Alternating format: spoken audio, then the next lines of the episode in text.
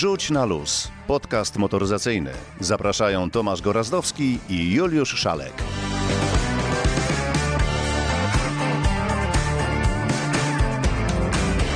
Dzień dobry, dobry wieczór. W końcu nie wiadomo kiedy to pójdzie. 147 odcinek naszego podcastu. Ja już się chwytam za głowę, bo nowości, informacji, premier, wiadomości jest całe mnóstwo, a widzę w Twoich oczach, że cały czas będziesz mnie skracał.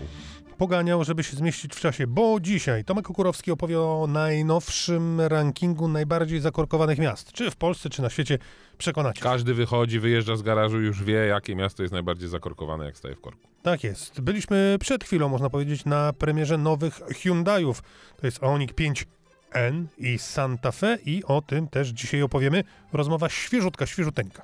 Jeździliśmy też bardzo niesamowitym samochodem, Mercedesem AMG SL43 i o nim opowiemy, jak tylko starczy nam czasu. A Antoni Grudniewski zabierze nas w przeszłość tradycyjnie. Poza tym powiemy o tym, że Mercedes coś kombinuje ze światłami. Wydawało się, że już nic nowego się w tych światłach nie pojawi. Tymczasem, no właśnie, pojawia się i to coś zupełnie nowego. A o nowościach? No to będzie nowa Skoda Octavia, będzie nowa Skoda Camry, będzie odświeżony Skoda Golf Camry 8. to nowy model. Y, Toyota Camry, Skoda Octavia, Golf 8 odświeżony i jeszcze zatrzymamy się na chwilę w Volkswagenie, bo tam chat GPT wkracza do samochodów. Modele, które odchodzą w niepamięć, to dzisiaj taki model duży w postaci fabryki w Polsce. O tym też opowiemy. No To i już taki Mustang. nie kącik, tylko kąt. Kąt, duży kąt. No i dwa słowa o Czyli jak słyszycie, zapowiada się dużo, szybko i ciekawie. No to ruszamy.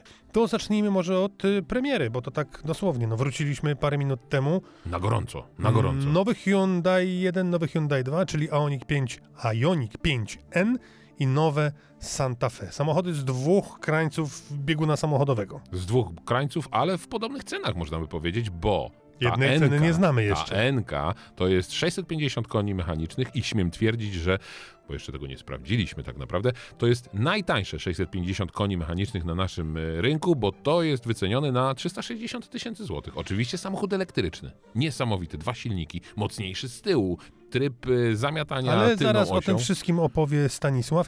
Ten drugi sądzisz, że będzie kosztował 370? Nie, będzie zdecydowanie tańszy, musi No być właśnie. zdecydowanie tańszy, ale jak się nieoficjalnie dowiedzieliśmy, będzie trochę droższy, bo jest trochę większy od obecnego Santa Fe. Ale ambicje są takie, żeby był droższy niedużo. Fajny samochód, ale zresztą o wszystkim opowie Stanisław Dojs z Hyundai'a. Ioniq 5N jest na pewno premierą najbardziej nasączoną emocjami, dlatego że ten samochód to jest super sportowy, elektryczny samochód, który jest szybki nie tylko na prostej. Tam jest 650 koni mechanicznych, możliwość wprowadzenia go w drift mode, czyli zupełnie kompletnego pójścia bokiem z gumy. Ten samochód przyspiesza do setki w 3,4, jeszcze ma inteligentne zarządzanie momentem obrotowym, tak żeby przez te zakręty przechodził jeszcze szybciej. Co ciekawe, ten samochód jest tak, jak to elektryk, e, syntetyczny, perfekcyjny, że można powiedzieć nadaną pewnej szorstkości. Ubrudzono go pewnymi manierami samochodu spalinowego. Taki elektryk, nie elektryk trochę. Taki elektryk, który tam czasami szarpnie przy zmianie biegów, ponieważ ma symulację ośmiostopniowej skrzyni dwusprzęgłowej, tak by kierowca trochę bardziej orientował się mniej więcej z jaką prędkością się porusza. A czy też dobrze brzmi jak samochód spalinowy? Można sobie wybrać. Tam są trzy różne możliwe odgłosy. Jest na przykład odgłos przelatującego myśliwca odrzutowego, ale ja wybrałbym chyba jako miłośnik takiej bardziej klasyki. Kaczkę. Nie, kaczka też. Akurat kaczki nie mamy. Pracujemy nad tym. E, mamy odgłos e, samochodu e, silnika dwulitrowego, turbodoładowanego doładowanego z dwusprzęgłową skrzynią. To trochę pomaga zorientować się, na którym biegu jesteśmy. Też ten odgłos jest słyszany na zewnątrz, co jest wymagane prawem, żeby samochody elektryczne powyżej pewnej prędkości też emitowały taki dźwięk, tak żeby po prostu słychać go było w mieście już powyżej 30 na godzinę, że coś się porusza. Trochę technicznie, silniki, które tutaj są, to są silniki z Ionika 6, tak? Przód i tył. One są dużo mocniejsze, dlatego że ten samochód generuje 650 koni, ale nie jest to równy rozdział, ponieważ tutaj mamy mocną preferencję tyłu. Silnik z tyłu jest znacznie mocniejszy. Dzięki temu jest oczywiście możliwe też ten opcja drift mode, ale też jego zachowanie się w zakrętach jest takie bardziej sportowe. E, Ma też e, kubełkowe siedzenia. Na dziś jest to bardzo nieoczywiste, bo samochodów elektrycznych, wyczynowych z takimi siedzeniami jest niewiele. Mamy niektóre mocne elektryki, które mają zwykłe siedzenia, z których można zwyczajnie się zsunąć w trakcie jazdy bardzo dynamicznej. Czy to oznacza, że chcecie trochę podgryźć Porsche? Ten samochód gra w zupełnie innej lidze cenowej niż samochody super premium, dlatego że cena tego 650, 6, to jest bardzo ciężko, ponad 600 konnego samochodu. Wynosi raptem niecałe 370 tysięcy, a mówimy już o samochodzie mocno uzbrojonym do jazdy torowej, który da się też wykorzystywać do jazdy codziennej. Zatem w tej kategorii cenowej to, to jest zbiór pusty na dzisiaj. Kolejny samochód o podobnej mocy będzie droższy o 30 tysięcy, a kolejne są często nawet dwa razy droższe, bo takich osiągów w takiej cenie po prostu jeszcze nie było. Stanisław, a w waszym, e, co trzeba zrobić? Jakie wymagania musi samochód spędzić, żeby spełnić, żeby, jeszcze raz, e, co trzeba zrobić? Jakie są wymagania Hyundai'a, żeby móc do modelu dopisać literę N? N-Line to jest wersja wyposażenia, ale N, czyste N, to są samochody sportowe, które muszą gwarantować emocje i być szybkie nie tylko na prostej, ale także doskonale pokonywać zakręty. Mają też nadawać się do jazdy torowej i do jazdy na co dzień. Do tej pory robiły to samochody spalinowe, m.in. i20, i30, to były auta jako pełne enki, a teraz ten rozdział zamienia się w rozdział elektryczny i żeby fani e, samochodów poczuli trochę tej emo tych emocji. Ten samochód, który właśnie dziś mamy, ma mnóstwo takich elementów, które mają dać im nie tylko prędkość w zakrętach i na prostej, ale zwyczajnie tą energię pozytywną oraz te emocje, które no, te wrażenia dźwiękowe, szarpnięcia czy inne efekty, choćby drift mode, na pewno dają. To czas spojrzeć w drugą stronę, emocje też, ale trochę innego rodzaju. Nowe Santa Fe, duży, rodzinny SUV. Yy, całkiem, Benzynowy. całkiem nowy. I Nie, benzynowy. Całkiem nowy. Nowy i benzynowy, to, że pod e, sercem tego samochodu pozostaje silnik spalinowy, myślę, że w dzisiejszych czasach bardzo wiele osób ucieszy, ale oczywiście jest on zelektryfikowany, dlatego że mamy e, takie, a nie inne normy e, ekologiczne, które też trzeba spełniać. Zatem mamy tam silnik 1.6 turbo który jest wspomagany przez układ hybrydowy HEF lub HEF, a więc jest to hybryda taka, która jest w stanie żeglować sobie na prądzie całkiem sporo, wspomaga też ten samochód podczas przyspieszania i ten zasięg na prądzie, kiedy sobie żeglujemy, to może być nawet 1,5-2 km. Jest też hybryda plug-in, która pozwala bezemisyjnie już podróżować kilkadziesiąt kilometrów i też ten samochód wspomaga. Zaznaczę, że tutaj też jest dostępna wersja AWD i nie jest to takie e-AWD jak czasami, że silnik elektryczny jest na tylnej osi, jest odseparowany od tego spalinowego z przodu, tylko tutaj dwa silniki, ich można powiedzieć moment obrotowy jest zebrany razem i następnie mechanicznie wałem przenoszony na e, koła tylne w razie potrzeby. Mamy tam taki układ bardziej klasyczny AWD. W przypadku Ionika, no to emocje sportowe, osiągi i tak dalej. Jeżeli chodzi o Santa Fe, to na co zwracasz, zwracasz uwagę? Ten samochód będzie dobrą propozycją dla osób, choćby dla rodzin, ale też dla osób, które chcą wyjechać za miasto. Nie w mocny teren, bo on nawet nie udaje terenówki, tylko to jest po prostu uczciwy SUV z napędem AWD, wyższym prześwitem, no i ogromnymi możliwościami, gdy chodzi o załadunek. Tam wejdzie 5, 6 lub 7 osób, w zależności od konfiguracji. Jest przepastny bagażnik z siedzeniami składanymi na płasko. Dużo też takich elementów, które są stylistycznie mm, uterenowione, ale tak osłony na przykład plastikowe nadkoli, czy to, że po otwarciu bagażnika mamy też zderzak odporny na zarysowania, to jest też coś, co się przyda, kiedy zjeżdżamy z utartego szlaku, choćby krzaki nas nie zarysują, czy nie zarysujemy sobie zderzaka auta, ładując do środka rowery. Ciekawostka to także taki specjalna rączka, która pomaga wejść na dach, kiedy będziemy sięgać po dach czy po rowery. Jest to bardzo wysoki samochód. No, oczywiście konfiguracja wnętrza, e, dlatego że ten samochód jest po prostu przestrzenny, duży i ma być jak najwygodniejszy. Cena? Nie mamy jeszcze precyzyjnej ceny ustalonej, ona będzie ogłoszona w ciągu najbliższych tygodni. Ten samochód zrobimy wszystko, by znalazł się w przedziale cenowym zbliżonym do obecnej Santa Fe, która przypomnijmy zaczyna się mniej więcej od kwoty 200 tysięcy. No, No dobrze, dobrze, dobrze, ale musimy powiedzieć naszym słuchaczom, jak te samochody wyglądają, bo o ile Ioniq 5N, to wszyscy wiedzą mniej Jest więcej. kilka zdjęć na profilu na naszym Oczywiście tak, Luz. ale ten Santa Fe różni się diametralnie od tego, który jest obecnie jeszcze sprzedawany. Wygląda bardziej jak Kia e, V9, taki kanciak. Widać, że ta moda kanciaków wchodzi do Polski. Trochę widzę tam nawet Range Rovera, te takie czarne panele połączone z szybami. Bardzo fajnie, maska prosta.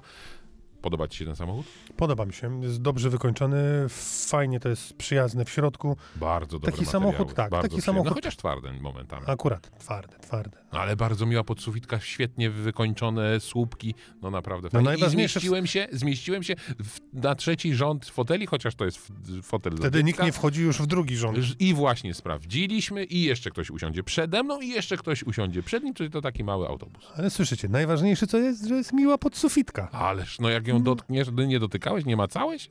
A, wspaniale. Ten tunel środkowy, bardzo szeroki, na dwa telefony ułożone obok siebie, do tego cup holdery. I fajne są te nie wiadomo po co. Wiesz co to są nie wiadomo po co? To są takie urządzenia, które są fajne, ale nie wiadomo po co one są. Na przykład otwieranie schowka tego w podłokietniku możemy normalnie, tradycyjnie, czyli od yy, Frontu góry, podnieść? Od frontu do tyłu, Tyłu? i od tyłu do... Fantastycznie. Ktoś, kto siedzi z tyłu, może skorzystać na przykład Szczególnie z twojego telefonu. trzyma tam y, ramię, A łokieć. to nie powinien trzymać łokcia na tym, Bardzo fajne, nie, wiadomo, nie wiadomo po co. Dobra, kończymy. Hyundai'a. Yy, no, ciekawy samochód, kolejny ciekawy samochód na rynku. Jak tu wybrać, jak przychodzi wybierać coś z czegoś? No dobra, to teraz ciach. To może o tym Mercedesie, bo tak mam w kolejności zapisane, że z tymi światłami jakie? Turbinowe? Turkusowe. A, turkusowe, no właśnie. To nie wiem, czy siedziałeś ostatnio w, we współczesnym Mercedesie. Wiesz, że tam wszystko świeci, mruga, y, dyskoteka Ambiente. niesamowita. Wszystko jest ambiente, ale oprócz tego, że ambiente, możesz podzielić sobie ambiente na strefy, zarządzać nimi. Tu kolorki takie, takie. To jest właśnie takie nie wiadomo co po co. To są nie wiadomo po co się, to zdecydowanie tak.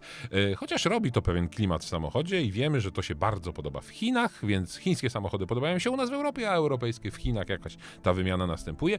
Ale Mercedes teraz idzie o krok dalej i w światłach zewnętrznych, w reflektorach, które są jakie? No białe, jasne, kremowe bardziej, jak są reflektory już zżółkłe, to Mercedes wymyślił, że będzie świecił na turkusowo. Wkład czy światło? Światło. Turkusowo? No. Słuchaj, A to, dozwolone? No a czemu nie? Światło, które świeci i oświetla ci drogę jest normalne, ale z boczku są takie turkusowe. A, czyli wkład tam, Tak, czyli lipa, no. No nie lipa, tylko to jest Myślałem, taki, że będą takie światła. ambiente na zewnątrz troszeczkę to, bo jak znam życie, to zaraz ktoś wymyśli inny kolor i, i tak dalej, i tak dalej. No więc taka moda w motoryzacji panuje. Trochę to wszystko takie jak botoks w ustach pań, dam albo gdzie indziej. Takie No sztuczne. gdzie są. indziej. Y, No na przykład w pośladkach.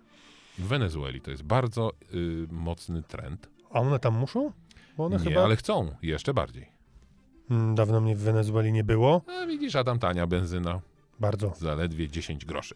Więc i to się przyda, tania benzyna i tak od Mercedesa do Wenezueli i do pośladków przeszliśmy, ale chyba teraz czas wrócić tutaj na, za naszą zachodnią granicę i powiedzieć coś o Volkswagenie. No bardzo proszę. Nowa generacja Golfa. Wyluzuj. No bez przesady, troszeczkę na wyrost, to nie nowa generacja, a odświeżony ósmy, y, s- ósma generacja Golfa. Przy okazji premiera odbyła się targów elektroniki CES, więc tak naprawdę samochód zmienił się niewiele. Zadebiutowały nowe systemy, nowe. Hmm, no właśnie, co? E, nowe rozwiązania, jeśli chodzi o elektromobilność, bo Volkswagen chwali się nowymi bateriami z elektrolitem stałym, a nie ciekłym, więc tak naprawdę samochód się nie zmienia, ale zmienia się jego technologia, która jest w środku. Że elektryczny.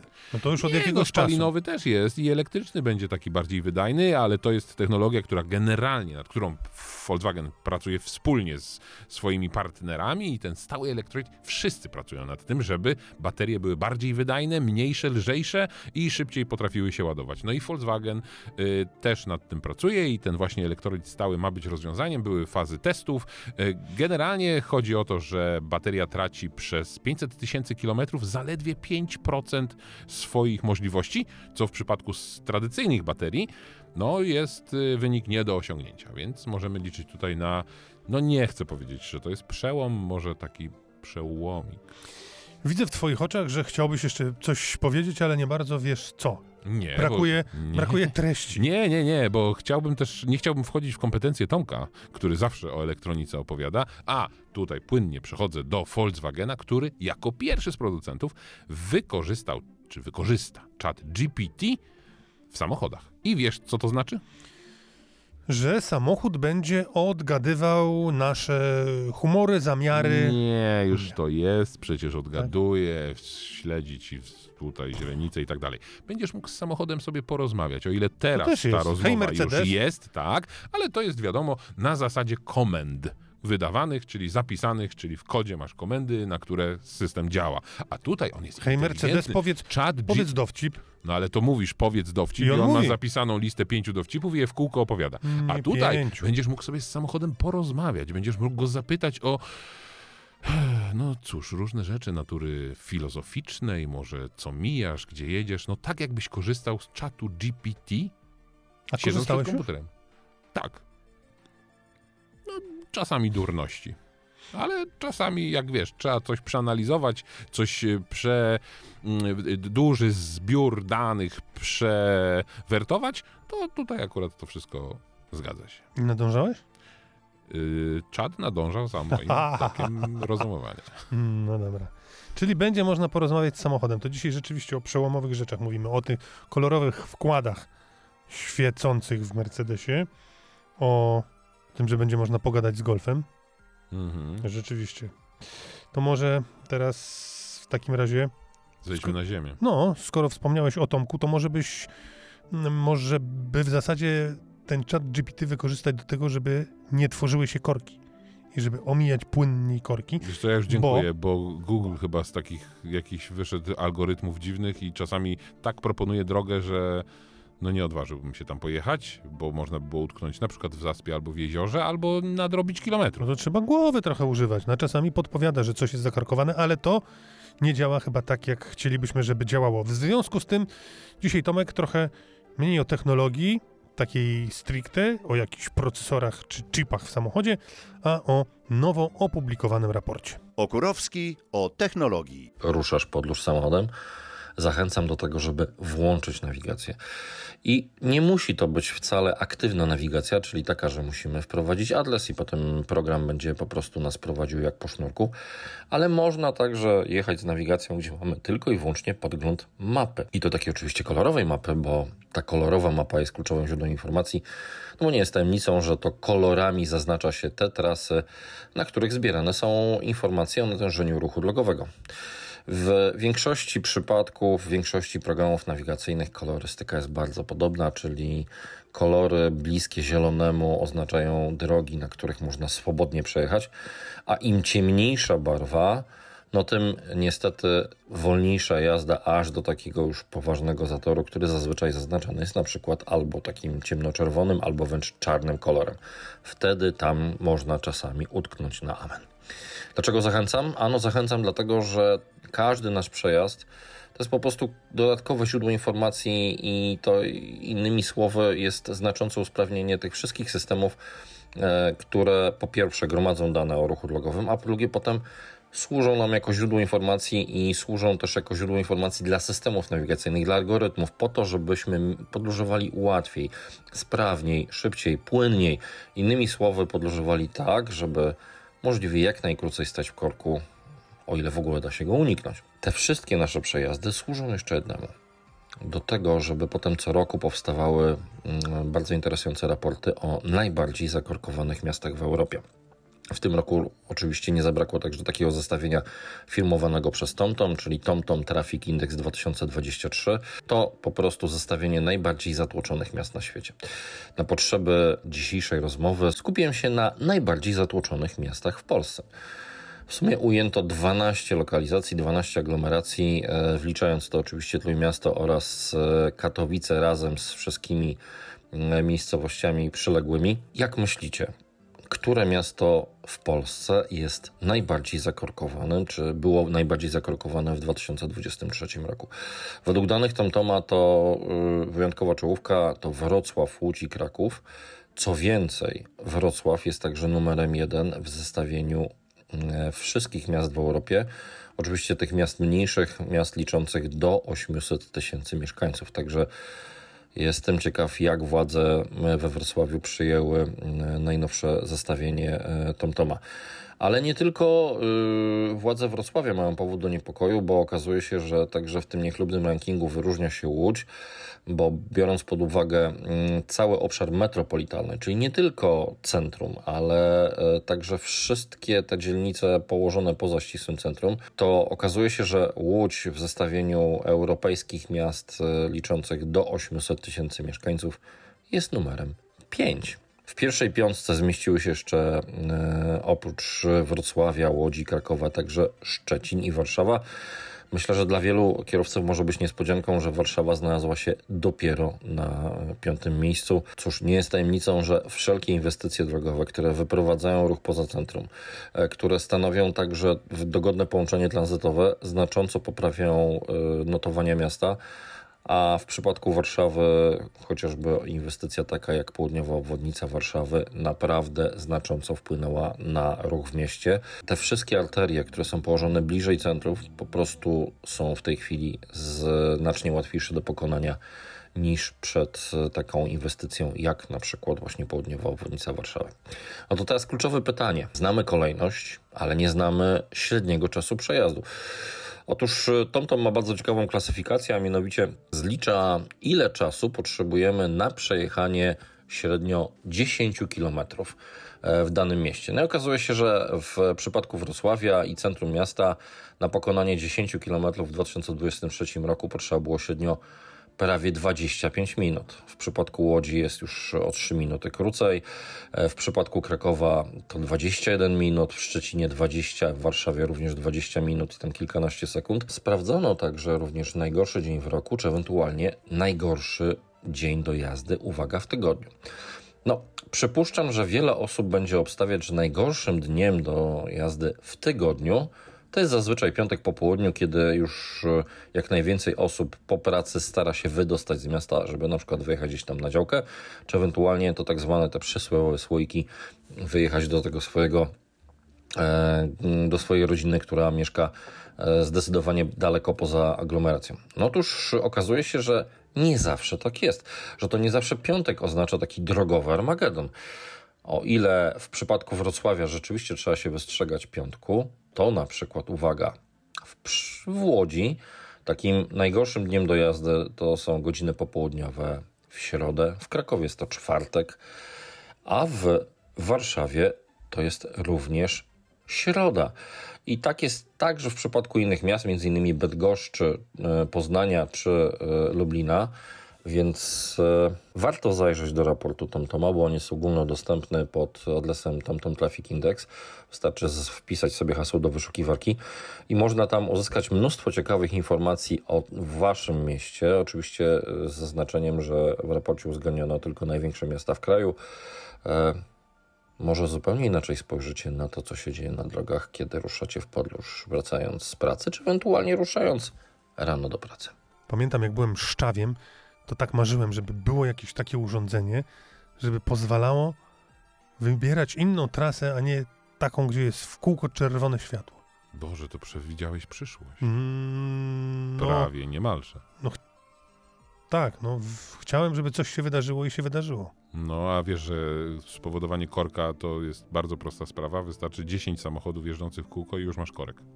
Jeżeli w kółko jeżdżą, to, to tak. Nie, nawet jak zrobią, będą robiły. Były takie badania, duże koło, 10 samochodów i nie jest w stanie 10 kierowców przypadkowo zebranych utrzymywać stałej prędkości. Zawsze ktoś przyhamuje, zahamuje, a jak ja przyhamuję, to ktoś za mną przyhamuje i trzy samochody przyhamują, dopiero czwarty delikatnie ode... Po prostu tak się tworzy korek. Więc jakby wyeliminować wszystkie światła, sygnalizacje i tak dalej. Zresztą to na, czasami o tym opowiadamy, gdzieś są takie pilotażowe momenty i miejsca, i gdzie, gdzie nie ma sygnalizacji, są proste zasady, to tam ruch idzie płynniej. Coś no chyba, że trzeba, od, trzeba od czasu do czasu hamować, niezależnie od tego, że trzeba hamować przed światłami. Ktoś wejdzie na drogę, no i korki się będą robić. Ale, Ale swoją wiesz, drogą, jak się patrzy... czystego transportu, mniej samochodów, mniej korków, będziemy mogli jeździć śmielej. A widziałeś, co w Anglii robią? Wjeżdżając do strefy czystego transportu. No, zaklejają silver tape. No tak, tak. No tylko tak, to wystarczy postawić patrol za świat, za tą bramką wjazdową i, i, i, i tam w funtach ta kara może być spora, ale najwyraźniej życie nam pokazują, że tych patroli za bramką nie ma, skoro ciągle tejpują sobie tablice rejestracyjne i jeżdżą za darmo. Czy to już jest ten moment, żeby powiedzieć o odświeżonej Oktawii odświeżonej Camry? Bardzo proszę. No to odświeżona Oktawia wygląda na nieco odświeżoną, nowy reflektor, nowy zderzak, troszeczkę zmieniony grill i nowa Camry też delikatnie przestylizowana. To tyle, bo zawsze mówisz, żeby krótko, szybko. Kamery, tak? Kamry. Ta Kamery. Taka, co u nas jest, duża, taka większa od Corolli, Camry. No taki Wiesz, że bardzo facelift. popularny samochód w Polsce. Wiem, że bardzo popularny i wiem, że nawet otarłem się o ten samochód rodzinnie, ale nie doszło do tego naszego bliższego spotkania rodzinnego i chyba jestem zadowolony. No Ale może odświeżona, może lepsze materiały w środku, może nowe tapicerki, bo układ napędowy, hybrydowy oczywiście działa jak najbardziej sprawnie i miejsca tam też jest pod dostatkiem. A w Skodzie co? No mówiłem, światełko, reflektor, zderzak. A w kamery co? Przepraszam, Światełko, połączyłeś jedno z drugim? No taki facelifting, To, face to nie lifting. zauważyłem. Nie zauważyłem. Tomku, Tomku, zejdź do nas, bądź z nami tutaj. Tak, y, wzywam Antoniego. Antoni, zabierz nas w przeszłość, bo z nim już wytrzymać nie można. Antoni opowie nam o tym, co wydarzyło się w przeszłości. Tak jak tradycyjnie robi to co tydzień. To się naprawdę wydarzyło w świecie motoryzacji. Mam nieśmiałe wrażenie, że Ferdynand Piech pojawia się w tym cyklu już po raz któryś. Nie wiem tylko który, bo opowiadałem wam zapewne o jego dziełach w postaci Bugatti Veyrona, Volkswagena Phaetona czy Porsche 917, ale to nie wszystko. To były i są dzieła wiekopomne, takie, które weszły do krwioobiegu społecznej świadomości, na pewno tej motoryzacyjnej. Ale nie opowiadałem Wam jeszcze o projekcie, który miał być zupełnym przeciwieństwem tego wszystkiego, co dotychczas. Piech marzył o stworzeniu samochodu możliwie ekonomicznego, ale nie takiego, którego spalanie będzie mieściło się w jakichś widełkach, ale takiego, który będzie spalał dokładnie 1 litr paliwa na 100 km. Zapytacie, jakiego paliwa? Zaraz odpowiem. Wszystko zaczęło się na przełomie wieków. Wtedy ruszyły prace, naszkicowano pierwsze projekty i stworzono prototyp, którym Piech odbył pierwszą kilkusetkilometrową podróż. Nie udało się osiągnąć spodziewanego wyniku, ponieważ auto spaliło na każde 100 km ponad 2 litry. Na usprawnienie i dopracowanie projektu panowie potrzebowali kolejnych 7 lat. Wtem w 2009 roku pojawiły się pierwsze zapowiedzi takiego koleżki, co to będzie dwuosobowy, bardzo futurystyczny. a Jego jednostka silnikowa pochodzić będzie z Volkswagena Polo, ale tylko w połowie. Bo dosłownie wzięto silniki 1.9 TDI i przekrojono go na pół. Wyszedł z tego, jak wskazuje prosta matematyka, dwucylindrowy silnik o pojemności 800 cm3. Niecałe 40 koni. Nie ma się z czego śmiać. Na te potrzeby było idealnie. Auto jednak okazało się horrendalnie drogim i nieprzystępnym, nawet na kieszenie zamożnych Niemców. Przeszło 200 tysięcy euro w 2012 rok. Wyprodukowano 250 sztuk tego modelu, z czego 200 trafiło do tych, którzy nie mieli co zrobić ze zgromadzoną za złotą paprotką gotówką. I na tym historia XL1 miała się skończyć, ale ktoś w Volkswagenie nie wytrzymał. Któraś z żyłek na czole wyszła i zaczęła krzyczeć więcej mocy, barany! I ktoś to podchwycił. A że w owym czasie do grupy Volkswagena trafiło Ducati, a Ducati posiadało model Panigale, chyba tak to się czyta, to któryś z tych psychicznie chorych inżynierów rzucił wklejmy to tam. Panowie przeprowadzili operację na otwartym sercu. Pobrali organ z Ducati, otworzyli L1, wsadzili mu nowe, mocniejsze serduszko, już z czterema cylindrami i pojemnością 1,2 litra. Po zaszyciu i wybudzeniu L1 dostał nowe imię. Od wtedy był XL1. Z kliniki kardiochirurgii skierowano go do kosmetyczki, gdzie ciało dopasowano do wnętrza i tak wyszedł jeden z największych playboyów z grupy Volkswagena. Nazwano go XL Sport. I mimo wielu cudownych cech posiadał hm, i posiada smaczek, który wskazuje na to, że Ferdynand Piech tam był. Podobnie jak w Porsche 917 czy Carrerze GT, nowoczesne wnętrze otrzymało drewnianą dźwignię skrzyni DSG. Cudo. No to był nie tylko samochód, który miał zużywać mało paliwa, ale to był taki samochód, który miał zrewolucjonizować motoryzację, pokazać dostępną technologię. Pamiętam, to było pierwsze auto, które zrezygnowało z normalnych, tradycyjnych lusterek wstecznych. Tam były kamerki. To było takie coś niesamowitego. No samochód wcale nie był taki mały, na jaki wyglądał, ale no miałem przyjemność, miałem okazję. Naprawdę cudo, cudo. Posłuchaj, tak jeszcze chciałem nawiązać do tego, że ten Ioniq 5N przyspiesza w 3,2 sekundy do setki. 650 koni z takim boostem. To dość dużo, ale, bo ty się tym emocjonowałeś, Niesamowita historia. czy umknęła ci ta wiadomość, że y, zrobili samochodzik elektryczny, który do setki w poniżej sekundę?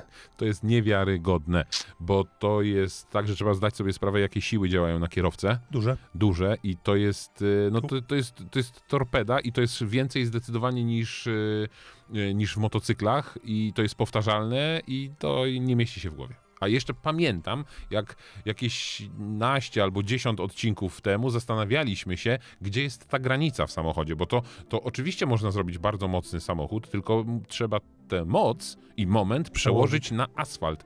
I przyczepność to tu jest niesamowita. Po prostu nie wiadomo skąd to się bierze. Jakby zaprzeczenie praw fizyki. Ale to To do, jednak. do czegoś to zmierza? Chciałbyś mieć taki samochód? Nie. Oparłbyś się i nagle... No ale zobacz, co się dzieje z elektrykami. To, to przyspieszenie takie torpedujące już teraz jest y, temperowane przez producentów.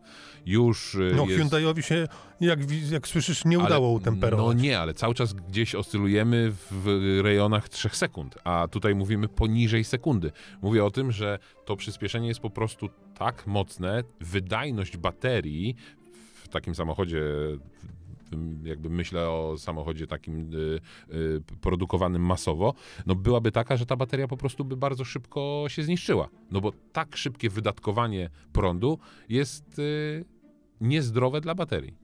Dlatego właśnie Dla mamy, też. dlatego mamy ograniczenia prędkości w samochodach elektrycznych do 160, czasami 80, a czasami nawet mniej. No i mamy temperowane to przyspieszenie, nawet do 50 i później też zdecydowanie wolniej. Teraz mam zapisane coś, czego nie jestem Nie w możesz się stanie przeczytać. rozczytać. Tak? No to ja ci powiem. W związku z no. tym płynnie przejdźmy do Mustanga Dark Horse. Dark Horse, mówiliśmy o tym samochodzie. Mhm. Niesamowicie, piekielnie szybki, najmocniejsza odmiana Mustanga w, chyba w całej historii.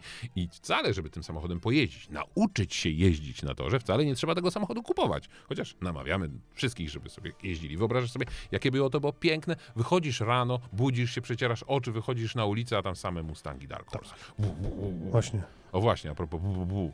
To ten N Ioniq 5, słyszałeś?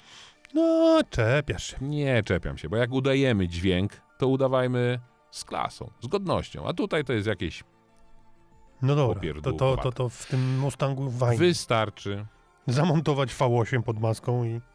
Tak, wystarczy wykupić sobie cykl szkoleniowy w szkole Performance Forda, żeby przejechać się właśnie Fordem Mustangiem Dark Horse. Tyle. A ile? Ile to kosztuje? No. Dużo. I nie w Polsce. A, no widzisz, czyli... Czyli wycieczka do USA. Jakbym cię nie pociągnął za, za język, to jeszcze niektórzy by chcieli jechać na tor. Ale to proszę napisać do nas, załatwimy, załatwimy, skierujemy gdzie trzeba, podamy numery lotów, Może jakąś zniżkę załatwimy. czapeczkę na dzień dobry. No dobra, Albo to, przejażdżka Dark Horse'em po prostu. słuchaj, to zbliżając się powoli do, do końca, opowiedzmy jeszcze o, o tym kąciku znikających fabryk tym razem. No Okazuje przykra, się, że... przykra informacja. No ale co, co można byłoby z tym zrobić? No nic, wiadomo, że fabryki, które produkują silniki spalinowe, e, a należą do koncernu, który już jakby odwraca się troszeczkę od, a każdy się odwraca troszeczkę od samochodów spalinowych, no to taki los jest. I szczęście mają te fabryki, które są przetransferowane na na przykład produkcję samochodów, czy silników, czy komponentów do samochodów elektrycznych. Takiego szczęścia niestety nie miała fabryka Stellantisa e, w Bielsku, no bo fabryka, która produkowała silniki spalinowe, po prostu y, została postawiona w stan likwidacji. Niespełna 500 osób y, straci pracę. Nic na razie nie wiadomo, by te osoby mogły znaleźć zatrudnienie gdzieś indziej, w innych fabrykach. Tak sobie myślę, nie kpiąc i nie żartując, że niebawem ma powstać fabryka Izery, więc może to jest jakiś kierunek, ale nie wiem, czy to jest dobry trop. Przynajmniej nie trzeba będzie odno... A nie, już las wycięli. Las wycięli, łopata to jeszcze już- nie wkopana. No, z łopatą to już lasu szkoda. Nie, ale tutaj trzeba powiedzieć, że no, to jest 500 osób, dla których to jest oczywiście mm, tragiczna wiadomość, a bo też trochę trzeba powiedzieć, że to nie było tak, że to była wiadomość znana i można było się do tego przygotować. To jednak była taka wiadomość trochę jak spadła jak grom z jasnego nieba. Y, No, ale też trzeba powiedzieć, że Bielsko, tych gdzieś tam te rejony, to mocno stoją motoryzacyjnie, więc trzymamy kciuki, żeby wszystkie te osoby znalazły gdzieś tam zatrudnienie i na przykład jeszcze przy silnikach spalinowych Toyoty na przykład pracowały. No bo wiesz, te wszystkie budynki, no maszyny może już niekoniecznie do, do produkcji silników spalinowych, ale cała infrastruktura, biura, hale produkcyjne, gdzie można składać różne rzeczy. To też szkoda, żeby to tak zostało. No to tak zostało w Warszawie na żeraniu i tak stoi, nie wiadomo co z tym robić. No, ale to Magazyny, 100 lat wynajmowanie. No nie, bo żerań stoi do dziś. Ale jak o tym rozmawiamy, a mamy jeszcze chwilę, to ja tylko dodam, że w tym roku na żeraniu w hali lakierni powstanie Muzeum Samochodów. Wystawa, która już była przez trzy sezony, ale y, udało się namówić właściciela, nowego właściciela tego terenu, żeby ta wystawa tam wróciła, więc trwają gorączkowe prace nad tym, żeby tam wystawa ruszyła. Może w kwietniu, może w maju. Jestem w to trochę zaangażowany, więc będę na bieżąco informował co i jak. A jak ktoś jest zainteresowany, żeby może pomóc w przygotowywaniu tej wystawy, może coś przekazać na taką wystawę. 500 tysięcy na przykład, albo tak jak Nie, e, bezdomny starą Maybacha. Nubirę, starą Nubirę, rozlatującego się Poloneza, albo na przykład coś z epoki PRL-u. To ja bym jednak wolał, żeby przyszedł bezdomny i przekazał dwa Maybachy. Maybachy mogłyby się wpisać w naszą wystawę, to prawda, to prawda. No to teraz na koniec o samochodzie Mayba- Maybach to nie jest, ale samochodzie dość wyjątkowym, którym nie przyjechałeś. I teraz słuchacze, opowiem. słuchacze, układa wam się to, prawda, że to już nie pierwszy raz jest. I zawsze jest jakieś wytłumaczenie. Bo krótko, bo mi nie było, bo cię nie było, bo nie mogłem, bo wtorek, bo poniedziałek. Życie, proza. No to spróbujmy. Nasz test. Bardzo samochód mało emocjonujący. Mercedes AMG SL 43. Zupełnie. I teraz od razu opowiadam. Jak myślimy o SL-u, no to na myśl nam przychodzą oczywiście olbrzymie silniki, bo to jest roadster, to jest roadster, ale też kabriolet, to jest ten legendarny Gullwing w latach 50., później Pagoda, no i później szybkie, małe, lekkie, zwinne auto, które właśnie ma pod maską silnik albo V6, albo przynajmniej te V6, później V8, może nawet V12 w tych najmocniejszych wersjach. A tutaj Mercedes i chciałoby się powiedzieć po raz pierwszy, ale to jest nieprawda, ale do tego wrócę za chwilę. Po raz pierwszy do takiego samochodu wsadził silnik, uważaj, dwulitrowy, czterocylindrowy. M139, czyli to jest ten sam silnik, który jeździ w A-klasie AMG, w CLA, tylko tam y, silnik jako silnik jest y, ten sam, to jest ta sama rodzina, oczywiście z różnymi modyfikacjami jak wsiadaliśmy, a miałeś okazję i wiem o tym, wsiadać do właśnie SL, AMG SL y, 55 y, albo 63, no to czuje się respekt przed tym samochodem, czuje się tą chropowatość tego pazura. Tutaj w tym samochodzie mi tego brakuje i zastanawiam się, Chropowatość pazura. chropowatość, pauza, pazura. A, Tutaj tego brakuje, bo to jest tak naprawdę tylko czterocylindrowa dwulitrówka, chociaż jak patrzymy na dane, 381 koni mechanicznych, to to jest przecież jakiś kosmos. Yy, to jest y, moc, która 30 lat temu wyciskana była na przykład z wolnossących V12. Samochód lekki, bo dzięki temu, że to jest tak mały silnik i dzięki temu, że tu jest tylko napęd na tył, samochód jest lżejszy 200-230 kg, a to jest dużo. Dlatego no, jeździ się tym samochodem bardzo przyjemnie i on jest bardzo zwinny.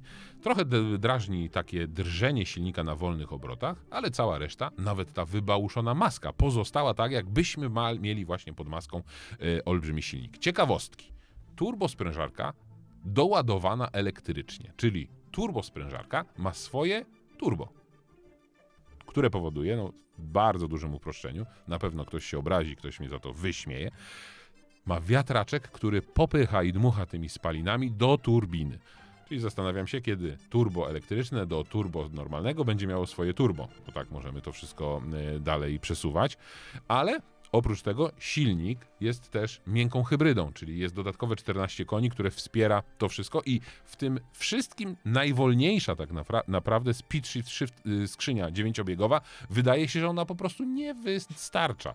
Tak ten silnik sprawnie działa, że naprawdę ta skrzynia musi nieźle się napocić, żeby, y, żeby to wszystko fajnie jeździło. Bo jak już wsiądziemy, jak już pogodzimy się z tym, jak już nawet sobie podbijemy też elektronicznie ten dźwięk, to tym samochodem się jeździ przyjemnie. I Samochód jest w środku, tak jak mówiliśmy o Mercedesach, bardzo ładnie wykończony, chociaż czasami gdzieś tam zdarzą się takie plastiki, które po prostu nie przystoi, żeby były w samochodzie za. To Dużo. zostawię sobie na koniec. A jak podsufitka? Podsufitka? No, kabriolet. No Miękki właśnie. dach. Jeździłem przy minus 10 bez dachu, a w środku jak mamy, to jest też niesamowite, słuchaj. Dzisiejsze kabriolety są tak izolowane, że w ogóle nie potrzeba na przykład hardtopów. Coś, co kiedyś było w SL-u na przykład y, obowiązkowe, jeśli chciałeś tym samochodem jeździć na zimę. Tutaj nie ma absolutnie z tym problemów. Jest oczywiście też wianie w zagłówku, czyli podgrzewanie karku, więc na, już widzę, że ziewasz, więc chyba przynudzam. Jeździ się tym samochodem bardzo przyjemnie i wszystko by było super, bo nie każdy przecież potrzebuje takiego samochodu z silnikiem V8 czy, e, czy nie wiadomo z y, jaką mocą.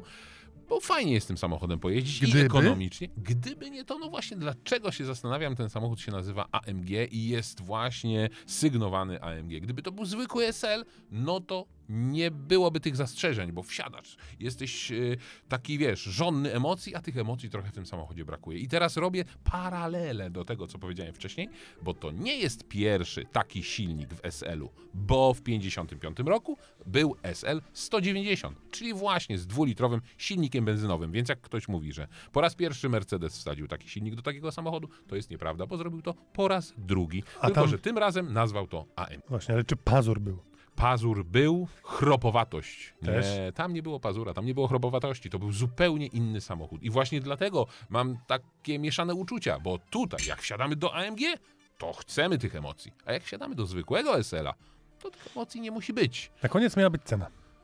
Tak. To jest najtańszy samochód z rodziny SL, bo wiadomo, jest SL 43, 55 i 63. Te dwa ostatnie są z silnikami V8. Różnica to jest mniej więcej plus minus 100 koni yy, więcej. No więc ten jako najtańszy kosztuje tylko 650 tysięcy złotych. Trochę. No ten najdroższy to ponad bańkę. Też trochę. Prawda? Każdy wybierze coś dla siebie. Ale mówiliśmy, że dzisiaj, a to między sobą mówiliśmy, że, że powinny być takie samochody. No wiadomo, że nie każdego, a w zasadzie mało kogo, a w zasadzie niewielu stać na takie samochody, ale powinny być, jeżeli kogoś stać. Tak, i oczywiście ja trochę tutaj się y, śmieję z tego, że to jest nie Mercedes. AMG, Ty się nie śmiej. bo to jest dokładnie to samo. Ludzie chcą kupować na przykład niekoniecznie sztywne, mocne, drapieżne BMK M. Dla nich zostało stworzone M Performance, tak samo jak w Hyundai, o którym mówiliśmy. Jest N, ale jest też N-Line. Każda marka ma podstawowe modele, usportowione i usportowione bardziej, bo ja twierdzę, że to nie są sportowe modele, bo sportowe samochody gdzieś indziej leżą i czekają, więc no chcemy kupić te emocje, chcemy kupić trochę tego poczucia takiego sportowego, ale niekoniecznie tę właśnie chropowatość I pauza, pazura. Panie Juliuszu, naprawdę, to ta teza na koniec zmienia postrzeganie y, moje świata motoryzacyjnego. Po tym odcinku już nic nie będzie takie samo. Myślisz, że będzie usportowiona wersja Izery? Na pewno. To był 147 odcinek naszego podcastu. Jak wszystko dobrze się ułoży, a trochę się musi ułożyć, to za tydzień usłyszymy się w 148 odcinku i na pewno nie będziemy patrzeć sobie w oczy, bo to będzie sesja taka trochę wyjazdowa. Tomek wyjeżdża. Znowu. Jak to powiedziałeś? No takie życie.